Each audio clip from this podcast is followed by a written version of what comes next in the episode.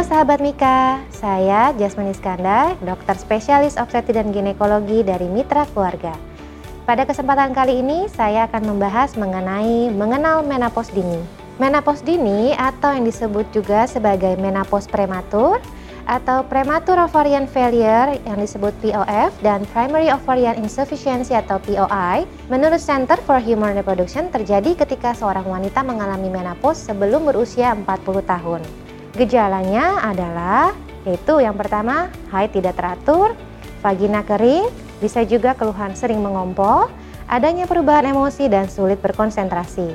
Penyebab menopause dini pada wanita bisa disebabkan karena adanya gangguan genetik, gangguan autoimun, adanya paparan rokok atau racun, dan lainnya, serta disebabkan karena kemoterapi ataupun radiasi, adanya penyakit epilepsi dan dipengaruhi juga oleh indeks massa tubuh atau IMT. Beberapa penanganan medis untuk meringankan gejala menopause dini yang bisa dilakukan adalah terapi hormonal dengan pil kontrasepsi, obat-obat antidepresan, gel, krim, ataupun pelumas vagina non-hormonal, serta teknologi reproduksi bantuan. Apabila sahabat Mika merasakan gejala tersebut, bisa langsung telekonsultasi atau jangan ragu kunjungi mitra keluarga. Mitra keluarga, life, love, laughter.